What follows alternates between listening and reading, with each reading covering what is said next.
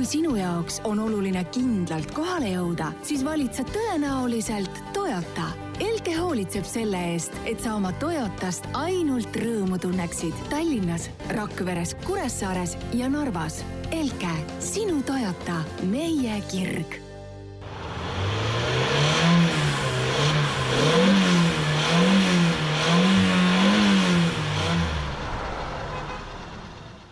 tere ja ilusat kolmapäeva äh,! Nagu ikka, siis istmesoojendus kolmapäeval ja, ja alustame kohe siin Veliga stuudios sellisest teemast nagu eriolukord liikluses äh,. minu jaoks algas see eriolukord liikluses täna hommikul niimoodi, ma vaatasin aknast välja ja sain aru, et äh, ongi nüüd, nüüd on päris eriolukord, et äh, ma ei tea, mis siin selle ilmaga toimub ja ma kujutan ette, et see on äh, nendele inimestele täielik peavalu, kellel on äh, võib-olla siis äh, naastrehvid ja kes on juba otsustanud need ära vahetada, et äh, ma just eile mõtlesin siin, et see on nagu äh, mingisugune Inglismaa ilm, et äh, ühes päevas saab sul tulla äh, nii vihma, lörtsi, rahet äh,, lund kui ka täiesti äh, laus päikesepaistet, et see minu arust on üks väga oluline argument siin taas äh, lamellide äh, poolt, no terime selle vana keskustelu jälle välja. ei, ma lihtsalt, lihtsalt see oli niisugune väikene minirepliik, et ma mm -hmm. mõtlesin, et küll on hea, et mul on lamellid, et ma ei pea muretsema selle pärast täna hommikul nagu, et kui ma vaatasin, vaatasin aknast välja ja oli mingisugune lumevaip oli kuskilt jälle üleöö tekkinud, et, et siis oli, oli hea tunne, ütleme niimoodi. aga, aga tulles siin äh, liikluses eriolukorra juurde, siis äh, siis äh, tegelikult on meil äh, olukord on väga huvitav. et mõnes mõttes on meil asjad äh, läinud eriolukorraga palju paremaks ja mõnes mõttes on asjad läinud palju halvemaks. et esiteks see, et kui liiklustihedus langeb, siis loomulikult on ka avariisid oluliselt vähem ja kui näiteks eelmisel aastal jaanuarist kuni aprillini hukkus liikluses viiskümmend kaks inimest ja vigastada sai tuhat seitsesada kolmkümmend kuus, siis äh, sel aastal on selle esimese kolme kuu ja paari nädalaga surma saanud ainult kuusteist inimest ja vigastada ainult äh, kolmsada kaheksa. et see on nagu väga kõva muutus mm. -hmm. samas on jällegi muidugi üllatav see, et äh, üles on läinud äh, muud sellised natuke nõmedamad statistikad stiilis joobes juhid äh,, eriti nüüd ka kaherattalistega juhtunud õnnetused no ma ei ütleks, et see üllatav on niivõrd selles mõttes, et politsei tegelikult ise suuresti tegi selle ämbri ja, ja sellest on näiteks meil ka toimetuse siseselt palju räägitud, et äh, kui politsei ütleb kohe eriolukorra alguses ära, et kuule, me saadame kõik enda politseinikud nüüd äh, piirile ja põhimõtteliselt äh, puhumisreide ei korralda, siis mm mis, mis nad, mis nad nagu ise arvasid, et selle asja lõpptulemus on? ei muidugi see karistamatuse tunne on juhtides igatepidi süvenenud, see on, see on raudpolt, et et äh, olgu see siis äh, seoses kiiruse ületamistega või joobes juhtimisega või tõesti siin ka ilma ülevaatuseta sõitmine, et siin neid asju on, mis, mille puhul inimesed tunnevad, et need justkui on äkitselt välja vabandatavad või et need ei jää vahele, kuigi tegelikult on ju see, et kui liiklus, äh, mis oli meil kolmandiku võrra, on liiklustihedus kukkunud üldjoontes, siis loogiline on ka see, et äh, kui politsei korraldab siin pistelisi reide või pistelisi kontrolle, valibki suvaliselt liiklusel lihtsalt autosid välja, mida korra kontrollida ja kuna puhumine on sealhulgas, siis tegelikult joobes juhtidel on suurem tõenäosus praegu vahele jääda. ja, ja ütleme niimoodi, et äh, protsentuaalselt siin äh, nüüd vaadates siis äh, mingisugune veerandi võrra on äh, siis kasvanud narko- ja alkoholijoobes juhtide süül põhjustatud kannatanutega liiklusõnnetuste arv. et see on tegelikult nagu pära-, päris, päris suur äh, number, et tänavu on siis viiskümmend viis sellist õnnetust olnud äh, perioodil märtsi keskpaigast kuni aprillini ja eelmisel aastal kolmkümmend üheksa, et äh, noh, see ilmselt ei, ei, ei, ei peegelda ka loomulikult seda, et kui palju neid juhte lõppude lõpuks on ja, ja seda statistikat ei ole ka kuskil välja toodud. Aga, aga kindlasti on see murettekitav trend, mida iga autojuht peaks praegusel hetkel teadma, et kuigi liiklustihedus on vähenenud, siis roolis tasub ikkagi olla väga ettevaatlik, sellepärast et äh, tuleb välja, et nii mõnigi inimene võib vabalt äh, kas purjus peaga või narkojoobes siis ringi sõita mm -hmm. sellel äh, jutumärkides suurtel puhkuste ajal, et jah, no ikka kehtib vana hea talupojatarkus, et sõida nii, nagu kõik teised sinu ümber oleksid debiilikud või ohtlikud või purjus või üleüldiselt tahaksid sind tappa. arveste kõigega. aga siin veel üks, üks huvitav statistika, see no muidugi oleks tore võrdlusmomenti teada, aga praegust kolmeteistkümnendast märtsist kolmeteistkümnenda aprillini on tehtud peaaegu kolmteist tuhat äh, trahvi ja peaaegu kaheksa tuhat neist on mobiilsete kiiruskaameratega. Ja mis minu tähelepanu tõmbas, oli äh, kõigest kaksteist Fori kaamerate poolt äh, fikseeritud rikkumist, et see on rohkem nagu niisugune noh, need Fori kaamerate rikkumised ma lihtsalt ma mõtlen, et kuidas see üldse nagu juhtub, et need Fori kaamerad on üldjuhul nagu kõigile teada. Need on need inimesed, kes esimest korda satuvad tõesti. Tallinnasse või, või mingisugused, ma ei tea, turistid või mis iganes. ma ei, ma ei usu mm -hmm. ka, et mhm. keegi, või noh, võib-olla on lihtsalt hooletus või mõtledki, et kuhugi on tõsiselt kiire ja unustad täiesti ära lihtsalt kõik, mis üldse liikluses toimub. et no vaesed kaksteist inimest, see on niisugune aga, aga tegelikult see, see, mis sa välja tõid, see näitabki väga hästi seda, et kuidas inimesed sõidavad, ega nad sõidavadki nende kaamerate piirkonnas, sõidavad rahulikult ja mm, -hmm. ja mhm. ja kõik, mis jääb väljaspoole seda, siis kaheksa tuhat on ikka päris mm, -hmm. päris karm yeah. number, et äh, jah, seda on liikluses näha ka, et ilmselt igaüks, kes on ringi sõitnud praegu, näeb, et äh, keskmised kiirused pigem äh, sellistel, noh, ma ei ütle päris kesklinnas, aga ütleme juba selline linna äärealadel hakkavad kerkima vaikselt seitsmekümneni mm -hmm. niimoodi sujuvalt, et, et ega keegi seda jalga sealt gaasipedaalilt väga ära ei taha võtta, jah. aga, aga kui sa siin juba mainisid poole sõnaga tehnoülevaatuse tegemist, siis äh, siin oli nädalavahetusel selline lugu, kus äh, oli suur skandaal äh,, üks äh, kirjanik kaldkriips kirjastaja sai siis äh, trahvi tehnoülevaatuse tegemata jätmise eest ja, ja probleem oli siis, äh, siin on mitu probleemi. üks on see, et, äh, et kas ta, kas see trahv oli õigustatud ja teine küsimus on see, et politsei ei kandnud selle trahvi tegemisel siis maski ja kindaid. et äh, alustuseks räägime siis sellest tehnoülevaatuse poolest, ma arvan. jah, see selles mõttes, et siin on siin-seal räägitud jah, et see on justkui äh, praegusel ajal niisugune natukene välja vabandatav asi, aga jällegi, küsimus on see, et kust jookseb see piir, kui kaua peab olema tehnoülevaatus tegemata, et see oleks nii-öelda välja vabandatav. reaalsus on see, et äh, kui sind võetakse liikluses maha ilma tehnoülevaatuseta sõitmise eest, siis ma arvan, et seal, kui see on sul olnud äh, läbi kauem kui mingisugune kaks nädalat, või no isegi ütleme, okei okay,, kuu aega e, eriolukorra algusest, siis, siis võib-olla veel kuidagi see võiks välja vabandatav olla, aga siin kahjuks küll ei tulnud kusagilt välja, kaua sellel kirjanikul, kirjastajal oli ülevaatus tegemata, aga seda räägiti, et see oli ikka palju pikemalt kui, kui siin see nii-öelda välja vabandatav välp. et jah, ma saan aru, et inimesed, eriolukord algab ja inimesed ei taha enam, ei tahagi minna igaks juhuks vältida kontakti, aga kui nad sõidavad ja nad ei sõida parasjagu tehnoülevaatusele, siis see on ka natuke silmakirjalik minu arvates minu arust on äh,, nii palju kui mina olen kokku puutunud, mul endal ei ole küll kunagi vist olnud sellist äh,, sellist asja, et ma oleks sõitnud ilma tehnoülevaatuseta autoga, selles mõttes, et see tundub mm -hmm. minu mhm. arust nii, sa ju tead, millal su tehnoülevaatus läbi saab yeah. ja sa saad minu arust isegi tänapäeval selle kohta mingisuguse teavituse endale ja, äh, meili peale.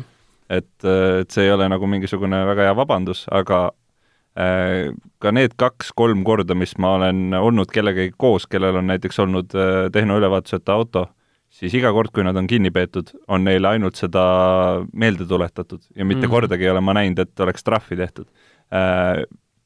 ma olen kuulnud, et on tehtud trahvi ühele nendest inimestest, kellega ma nagu, kellega ma koos viibisin mm -hmm. autos, ja, ja see oli nädal aega hiljem pärast seda, kui ta ei olnud ikka veel seda tehnoülevaatust ära teinud. ehk siis tegelikult tundub, et see üldine trend ongi see, et pigem äh, esmalt peetakse kinni äh,, tuletatakse meelde, tehtakse seal kuskil infosüsteemis märge mm -hmm. juurde, et sellele inimesele on seda juba meelde tuletatud ja, ja kui sa ikka jätkad seda, siis pigem tehakse trahvi, nii et ja, ma arvan jah, praegu on nagu loodud selline võimalus proovida end välja vabandada, aga see vabandus on minu silmis silmakirjalik. nojah, et see ka see, et tegelikult tehnoülevaatused on samamoodi selle olukorraga juba praeguseks äh, kohanenud sa saad minna sinna, sa ei pea põhimõtteliselt autost välja tulema, sul tehakse ära see asi ja, ja saad seda kontaktivabalt teha mm -hmm. rahulikult, nii et et see, et see kõik on nagu, kõik on täiesti võimalik ja lahendatav, et äh, aga nüüd see kaitsevahendite pool, see on minu arust isegi veel imelikum kui see, kui see tehnoülevaatuse pool. jah, sest seal oli ju see lugu, et äh, korrakaitsjad reageerisid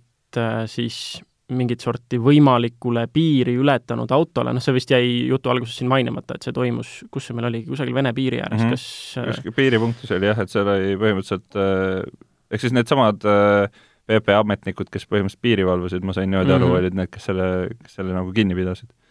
et äh, noh, see on, see on üks asi, aga minu arust kõige imelikum on selle juures see, et äh, inimesena, kui sul on, kui sul on selline soov, et sa hakkad selles sotsiaalmeedias nagu pasundama tervele mm. -hmm. maailmale, siis miks sa ei või sellel hetkel sellele ühele inimesele, kes sul seal, äh, ma ei tea, pooleteist-kahe meetri kaugusel on, öelda seda, et kuule, et kas sa võiksid panna endale ja, kindad ja maski või mis iganes. mis Mhm. iganes, astuda kolm sammu eemale. aga noh, see on jällegi see, et sa oled selles olukorras muidugi äh, nagu kerge surve all, et mul endal on samamoodi, et kui on kokkupuuted olnud äh, autoroolis äh, politseiga, siis ka tõmbab kohe nagu tagasi, oled nüüd käitu hästi normaalselt, käitu hästi normaalselt, midagi ei olegi ju valesti, ah, ja siis sa nagu hakkad juba üle mõtlema, et issand, mis nad nüüd leida võivad, mis nüüd olla võib, mis nagu, et noh, niisugune kerge paanikamaut tuleb peale, et selles mõttes ma saan aru, et äh, miks äh, miks ta võib-olla kohe ei suutnud seda seal öelda, aga see tõesti jah, minna sotsiaalmeediasse sellest veel pasundama on nagu, on nagu teine asi.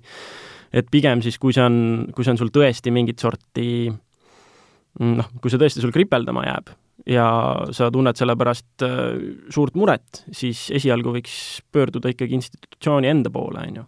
ma ei tea, mina, mina, ma ei, ma ei suuda sinuga samastuda selle politsei poolt kinnipidamise teemal, et äh, mind on küll noh, ikka on mõned korrad kinni peetud ja olen ka mõned korrad trahvi saanud, Mm -hmm. aga, aga ainult üks kord on olnud, kus see asjaajamine oli nagu ebameeldiv, et mm -hmm. iga, iga teine kord ma ütleks, on äh, PPA ametnikud olnud ühed kõige normaalsemad ametnikud, kellega ma oma elus olen kokku puutunud. seda, seda ma üldse ei vaidleks vastugi, aga lihtsalt see, see naljakas äh, psühholoogiline mehhanism, mis käima läheb, on see, et ma ei teinud ju midagi valesti, mis nüüd? ja siis sa hakkad mõtlema, et äkki, äkki ikka midagi oli, äkki midagi, mida ma ise ei tea, äkki noh, ja mis iganes, ja siis sa hakkad juba üle mõtlema ja siis, kui sul on aeg nendega suhelda, sel hetkel, kui ta sul sinna akna juurde jõuab, siis sa oledki juba omadega krampis ja mõtled, et mi, mis, mis siis nüüd? mul ei ole seda probleemi olnud, õnneks ma olen iga kord nagu teadnud, et ma olen valesti teinud, nii et, et, et seda muret ei ole olnud, aga ükskord oli tegelikult ka niimoodi, et, et läks mingiks imelikuks süüdistamiseks ja see oli siis, kui ma sõitsin täpselt,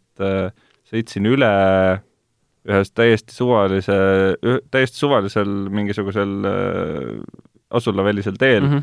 kus oli äh, mingil põhjusel äh, pandud asula tõttu see väikene viiekümne märk, see, mis mm. -hmm. kestab mingisugune kakssada meetrit yeah. või mis iganes, sõitsin sealt läbi ja ja sõitsin täpselt pluss äh, kümme üle niimoodi, et no ei, oota, on see pluss kümme, jah, ühesõnaga, ühesõnaga nad mõõtsid selle, täpselt selle vahemiku ära Mm -hmm. ja siis ta, üks politseiametnik hakkas mulle rääkima, et kuule, et tegelikult äh, ma, ma nägin, et sa sõitsid rohkem, aga me lihtsalt ei suutnud seda ära fikseerida, et umbes ole õnnelik ja Jaa. no, kuidagi mingi niisugune värk, et see on ainukene ebameeldiv kogemus, mis on olnud, aga üldiselt ma ei tea, inimestega tasub ikka rääkida, olgu nad kas äh, PPA ametnikud või kes iganes, et, et kui tahta probleeme lahendada, siis mm. -hmm. seda võiks teha ikka nagu inimesega koha peal, mitte kuskil sotsiaalmeedias pärast äh, tagantjärele, et see on jaa, lihtsalt see minu üldine, üldine arusaam sellest kogu ja ei, mina, minu kokkupuuted on ka positiivsed olnud, et tunnistan ausalt, mul on olnud vist äh, elu jooksul kokku kaks või kolm korda, kus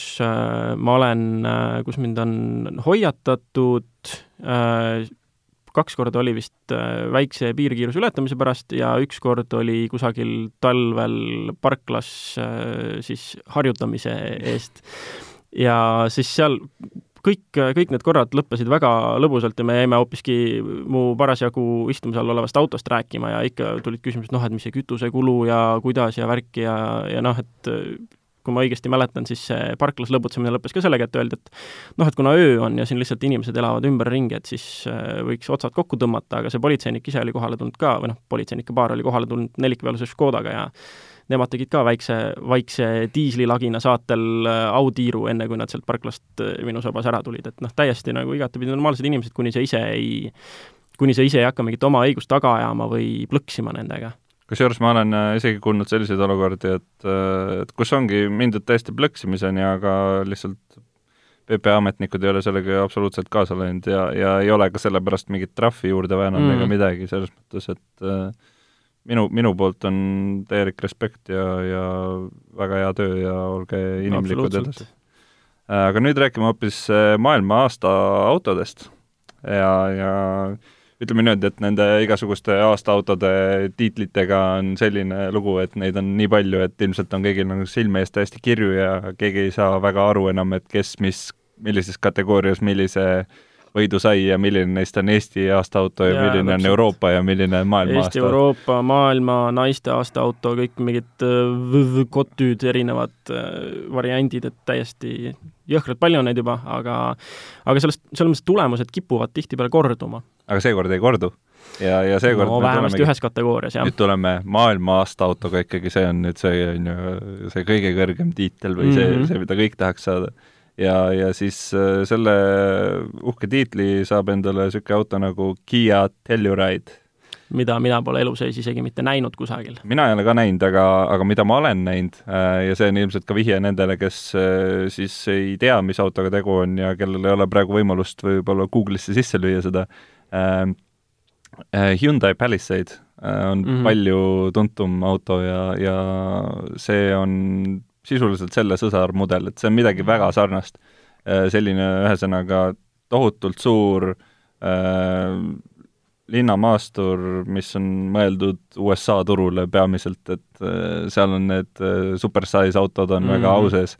kuigi nende jaoks muidugi on tegu tillukese mootoriga, see on kolme koma kaheksa liitrine V6 ainult. auto on tillukene ja auto on tillukene, mootor on tillukene. võiks ka kaks korda suurem olla. loomulikult võiks olla rahulikult kaks korda suurem ja see ei paneks kedagi isegi kulmu kergitama. Äh, ühesõnaga, niisugune masin see on ja see sai esimese koha, kuigi mul kinnitust selle kohta ei ole, siis ma julgen arvata, teades, et Hyundai Palisade äh, Eestisse ei tule, siis ma kaldun arvama, et ka see auto Eestisse ei tule, seega maailma aasta autot me siit niimoodi endale vist hankida ei saa. jah, kahju üldsegi nendest äh, ainult USA turule mõeldud äh, Hyundaidest ja siin ka mõndadest Kiiadest, et mul nüüd ei tulegi enam nimi meelde, aga Hyundai'l on ju mitu kupeed, mis on tagaveolised ja ka mingisuguste niisuguse lähes kolmeliitriste mootoritega, et jumala lõbusad asjad. no aga ega sama probleem on nendel selles mõttes, et äh, kui meie siin saame endale, ma ei tea, Saksamaa järelturult hankida hea hinnaga Euroopa autosid, siis nendel seda võimalust ei mm -hmm. ole, mhm. isegi mingisuguse suvalise äh, meie mõistes suvalise Euroopa auto eest peavad nemad ikka välja käima korraliku varanduse seal juba, et äh, ma olen Ameerika selliste autofanaatikutega küllalt rääkinud, kes noh, neil on samamoodi probleemid näiteks sellega, et et standardvarustused on hoopis erinevad, kui mm -hmm. sa mhm. võrdled seda, mis äh, on näiteks Volkswagen Grupi toodangust on saadaval äh, siis meil ja neil seal mm, -hmm. et need on mhm. kaks täiesti erinevat asja, aga samas kindlasti mis puudutab just Aasia autosid, äh, siis USA on nende jaoks väga oluline turg ja sealt ja. leiab igasuguseid huvitavaid masinaid, mida no eks, eks rohi on ikka teisel pool rohelisem, selles mõttes samamoodi, nagu tahaks neid ägedaid autosid, mis ameeriklased saavad ja nemad muudkui noh, kui vaadata nüüd nende mingisugust äh, autosid puudutavat äh, sisu ja saateid ja asju, siis seal ikka no, nutetakse taga mitmesuguseid, mitmesuguseid asju, mis eurooplased on saanud ja mida ameeriklased pole, pole näinudki mitte jah, eks ikka, ikka alati tahame seda, mida ei saa mm, -hmm. aga kui me siin nüüd räägime sellest maailma aastaautost, siis äh, meil on pjedestaalil on äh, kaks autot veel ja neid mõlemat saab. ja ma ei tea, kas mõlemaga sa oled sõitnud, aga ma arvan, et ühega sa oled küll sõitnud, mina olen, mina olen ka ühega sõitnud, peaaegu oleks teisega sõitnud. ehk siis Mazda CX kolmkümmend ja Mazda kolm. jah, kolmega olen sõitnud, CX kolmekümnega ei mäleta, arvustanud ei ole, sõitnud võib-olla no,, mul ei tule ette. mul on vastupidi, ma olen mm -hmm. CX-kolmekümnega sõitnud ja kolmega ei ole. ehk siis äh, Mazda kolm, kusjuures sai ka aasta disainauto mm -hmm. auhinna. nii. ehk siis äh, ma ei tea, mina isiklikult võib-olla ei oleks neid valinud sinna pjedestaali peale, ma tean, et Mazda kolmega oli äh, äh, Ukul oli väga niisugune eriline suhe või talle, talle meeldis see vist äh, suht... meil, meile mõlemale meeldis ta, aga me paigutasime ta ikkagi mõlemad, kui me nüüd olime Eesti aastaauto kohtunikud, siis me mõlemad paigutasime ta madalamale kui esikoht. Et tore auto igatepidi, aga seal tundus olevat veel masinaid, mis vääriksid seda tiitlit isegi rohkem, aga selles mõttes kui seda nimistut siin vaadata, siis, ähm, siis ülejäänud kahte siin üldsegi ei olegi. mis aga üllatab, on see, et esimest korda nüüd äh, maailma aasta auto ajaloos, mida on korraldatud siis kahe tuhande neljandast aastast, on Porsche võtnud ka luksusauto tiitli või siis esikoha esimest korda ja selle sai Taikan. ja noh, vahepõikena ütlen, et äh, järgmise nädala istmesoojenduses saame Taikanist ka rääkida, et äh, eriolukorra ajal vist tuleb siin teha natukene möönduseid ja leppida sellega, et mõlemad saatejuhid ei ole sellesama autoga sõita saanud, et need proovisõidud on siin, nagu on. et et tõenäoliselt mul õnnestub ta ära sõita, ei tea, kuidas Janiga olen, kas Jan saab seda hiljem proovida siis? no vot, seda me saame kõike näha, aga jah, Porsche tegi loomulikult kõvasti ilma, kokku siis viis kohta, on ju, Äh, luksusautode kategoorias kusjuures esimene ja kolmas koht mm. -hmm. ehk siis Taycan ja üheksa üks üks vastavalt. ja, ja, ja sportautode vallas siis kõik kolm poodiumi kohta. Äh, Taycan esikohal, siis äh, teisel kohal on siis GT4 ja, ja kolmandal üheksa üks üks, nii et päris, päris puhta töö tegi ka Porsche seal, et teised, teised, kui, kuigi Mazdal on ka hea tulemus selles mõttes, et kolmest, kolmest äh, kaks ikkagi seal tipppoodiumil aga et üldine niisugune kohe silma, silma riivav nii-öelda võitja on igatepidi Porsche tõesti. ja täiesti põhjusega. Jah, loodetavasti selle, sellest Taycanist saab nüüd siis maitse suhu ja, ja miks ta väärib seda tiitlit, saab sellest juba pikemalt nädala pärast rääkida nii, aga lähme siis järgmise teema juurde, see on siis meie nipinurga teema sel nädalal ja see on kojameeste vahetus, selline mitte väga populaarne teema või number üks autohooldusteema või autonipi teema?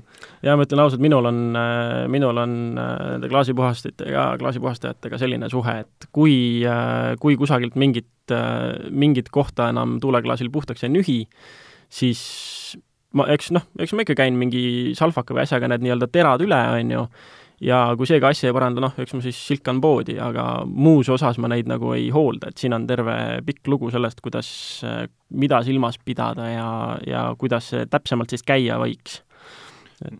no ma ei tea, nii palju kui mina tean inimesi, siis äh, tavaliselt ongi üks, äh, üks kontingent on see, kes käitub nii nagu sina, ise mm -hmm. olen ka sealhulgas et äh, vaatad, et kui hakkavad mingisugused triibud või mingisugused muud kahtlased asjad jääma klaasi peale, siis kõigepealt äh, teed puhtaks, kui see toimib, siis, siis on hästi. noh, krigisemist ka ei kuule, sellepärast et mootor on endal nii vali niikuinii, on ju. ja, ja kui see ei, kui see, kui see ei toimi, siis, siis on vaja jah, tellida või minna poodi ja, ja osta uued. ja selles mõttes, et siin muidugi ka noh äh,, vahepeal käivad või noh, käisid kunagi äh, nendest äh, netireklaamidest lihtsalt, mingil põhjusel arvati, et mina võiks olla just sihtgrupp nendele juradele, mis, mis on sul need kojamehe teralõikajad või need mm. mingid, mingid asjad, millega sa saad a la mingi millimeetri haaval seda kummiriba sealt vähendada ja mm. need samamoodi uurisin kiirelt nende kohta, et need on ikka täielik niisugune petukaup stiilis mingisugused äh, Topshopi Nicer-Dicer või mingisugused äh, muud asjad, et ega neist nagu väga kasu tegelikult ei ole. ja ei tea jah, kes, kes nendega niimoodi teeb, aga ma tean, et on inimesi, kes näiteks ei viitsi enda pead lihtsalt vaevata sellega ja kord aastas, kui auto käib korralises hoolduses, siis lastakse mm -hmm. ka see ära teha. mis on iseenesest nagu mugav variant, aga seal on ka oma tagad, üks on see, et tõenäoliselt sul visatakse lõpuks ära sellised sellised klaasipuhastid, mis oleks võinud veel tükk aega teenida mm, -hmm. eriti kui sa neid oleks puhastanud vahepeal. ja, ja teine asi on see, et see ilmselt läheb sulle kõvasti kallimaks kui see, kui sa ise need ära oleks vahetanud, et ma arvan, seal on mingisugune kümme, kakskümmend eurot tuleb lihtsalt juurde. Mm -hmm. et, et tegelikult noh, võib-olla ainukene nipp, mida tasuks jagada, on see, et mida ma olen kuulnud palju nendelt inimestelt, kes ei viitsi ise äh, sellega tegeleda, ongi see, et aa, et aga kust ma tean, et millised need minu omad on või et kus ma, kus ma selle teada saan, et äkki ma ostan mingid valed ja siis pärast ma pean minema neid vahetama või veel ühed ostma, on ju, siis äh, nagu ma siin juba saate eelmises osas viitasin, siis tänapäeval on selline leiutis nagu Google ja väga lihtsalt saab äh, leida ükskõik kus poes olles või mis iganes, lööd enda auto tavaliselt välja, lask aasta sisse, mudeli mm -hmm. nime sisse ja kirjutad sinna juurde Wipers või Wiper Blades ja, ja siis tule, tulevad need äh, numbrid ilusti välja. ja kui sa oled vanakooli inimene, siis alati on variant äh, minna parkida ennast poe ette esimene variant, kas mõõdad üle, kui pikk on üks ja teine, sest äh, tihtilugu on need erimõõdulised, või teine variant, võtad küljest ära ja lähed jalutad poodi sisse ja viskad need äh, esimese lähedal asuva klienditeenindaja suunas ja palud endale samasugused sebid. no kol-, kolmas variant on ka veel vanakooli inimestele, et äh, pargid ennast sinna parklasse ära, teed kindla laeka lahti, võtad raamatu välja, otsid raamatust üles selle koha, mis puudutab klaasipuhastajaid ja tihti on seal ka need numbrid täitsa olemas.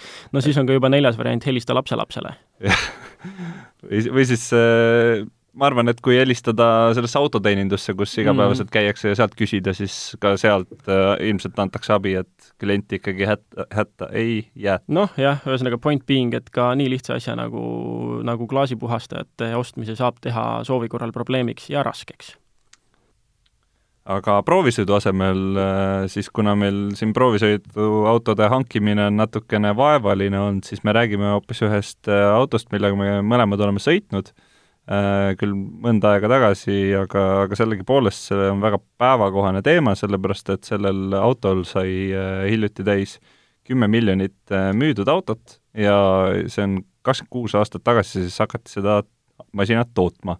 Ja nendele, kes siin nüüd viktoriini tahavad mängida, siis need võivad ühe sekundi mõelda. Ja selleks autoks on Toyota RAV4. Äh, ja põhimõtteliselt on siis äh, tegemist selle sõidukiga, mis pani kogu sellele meie linnamaasturite buumile praegu kunagi aluse.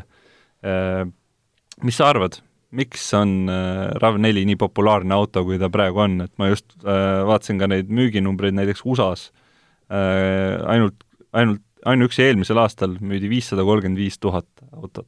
et see on mm -hmm. ju mhm. uskumatu no see ongi põhimõtteliselt, see ongi põhimõtteliselt peaaegu et tuleb ka keskmiseks, et kakskümmend kuus aastat, kümme miljonit, et see ongi äh, Juti alla viiesaja tuhande auto aastas keskmiselt juba esimesest aastast alates, on ju.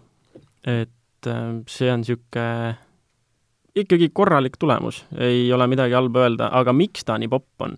no esialgu Toyota lähenes asjale nagu Toyota ikka, modulaarselt. Võeti siin äh, Äh, niimoodi nopiti parimad kirsid igasuguste mudelite pealt, millelt äh, platvorm ja millelt mootor ja millelt nelikveoskeem, mis muuhulgas oli äh, pärit siis legendaarselt Celica GT4-lt, mida praegu otsi tikutulega taga, on ju, sest see on selline, selline masin, mille hinnad on nii jõhkralt üles läinud ja mida on nii vähe alles Eestis, ma tean, et neid on müügis ma olen näinud ühte ja ma tean ühte väga heas korras, mis on erakogus ja mis on, aga mis sõidab aeg-ajalt ka ringi.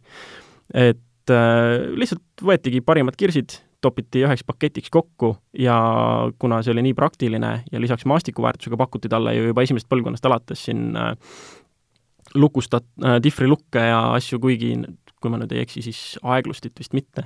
Mm.. aga lisaks sellele pakuti ka nii käsikasti kui neljakäigulist automaati, siis äh, temast sai väga ruttu niisugune masin, mida hakkasid naised ostma ja noh, jällegi, see praegusel hetkel võib kõlada võib-olla šovinistlikult, aga paraku see automaatkast oli see, mis kakskümmend kuus aastat tagasi selle masina juba naiste hulgas nii populaarseks tegi.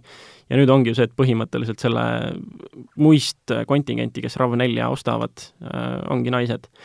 et ta on läbi aastate muutunud lihtsalt selliseks äh, autoks, mis teeb kõike ja mis, mis sobib igale poole, et kuigi tõsi, praegu nüüd, kui ma võtan selle viimase sõidu RAV4 hübriidiga, siis ma ei tundnud küll, et see oleks mingisugune suure maastikuvõimekusega auto, et pigem ikkagi niisugune pigem ikkagi, ikkagi tõesti linnamaastur, lisaks on teda esimesest põlvkonnast saadik ka esiveolisena pakutud, et ta oli tegelikult juba siis, oli ka nii-öelda parketimaasturi variant olemas. aga üks asi, millest on kahju, mida ma lihtsalt mõtlesin, kui ma, kui ma seda ajalugu korra kähku üle käisin, on see, et talle pandi 3S FE mootor peale esimesele põlvkonnale. 3S on siis mootori põlvkond, mis äh, samamoodi olid, selle derivatiivid olid siin, on ju, erinevatel selikatel ja Corolla mingitel sportversioonidel ja igasugustel ägedatel asjadel. aga üldjuhul need olid kas GE vabalt hingavad või GT turboga mootorid.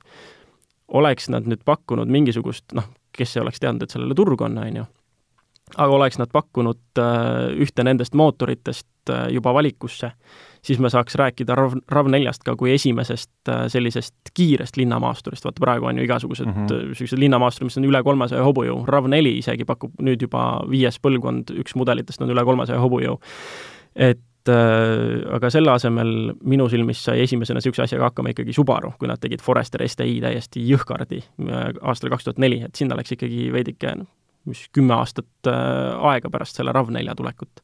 et see oleks jälle üks tore asi olnud, kui RAV, RAV4-le oleks niimoodi modulaarsüsteemist peale topitud ka üks nendest, äh, miks mitte kolmes GTE no ma, ma arvan, sellike ajast oleks see mõte olnud kõvasti ees, et äh, kui mm, -hmm. kui me räägime sellistest esimestest linnamaasturitest, siis noh, oligi ju toona toona selliseid maastureid ei olnud, olidki mingisugused äh, Wranglerid ja muud sellised Jaa. väga robustsed asjad, et selles mõttes äh, see on huvitav, kuhu, kuhu maasturid on jõudnud, linnamaasturid, ja ma arvan, et suur, suur põhjus seal taga ongi see, et inimesed tahavad midagi sellist, mis äh, oleks äge või annaks seda nagu imidžit edasi, et kuule, et ma sõidan džiibiga mm. -hmm. aga, aga tegelikkuses palju seda džiipi seal on, see on nagu teine küsimus.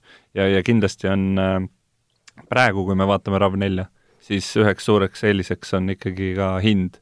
Et kui sul on Mhm. valida, kas sa võtad äh, ühe tavalise auto, mis äh, võib-olla ei mahuta nii palju asju, võib-olla jääb äh, noh, ma ei taha öelda maastikutingimustes, aga ütleme, keerulisemates teeoludes võib-olla rohkem hätta kui see kõrgema clearance'iga RAV4, on ju, et siis väga lihtne on otsustada ikkagi selle RAV4 kasuks ja, ja ma mäletan ka, kuigi ma ei ole varasemate põlvkondadega sõitnud, ma ei tea, kas sina oled?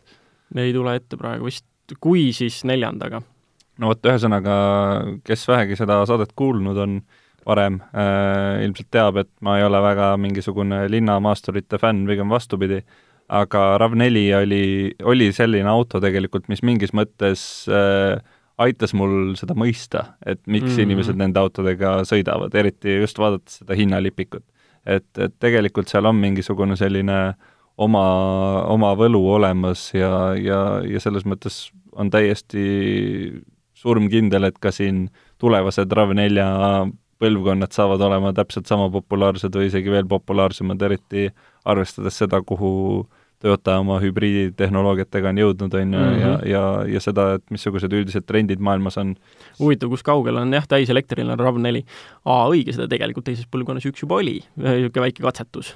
Jah, ja, ja, ja ma julgen ennustada, et ka lähema kümne aasta perspektiivis me saame ka seda kindlasti näha ka masstootmises. ma arvan isegi viie. see, need, need lähevad nii kiiresti riburada pidi kõik tootjad, et ma arvan, et viis on, viis on isegi palju võib-olla.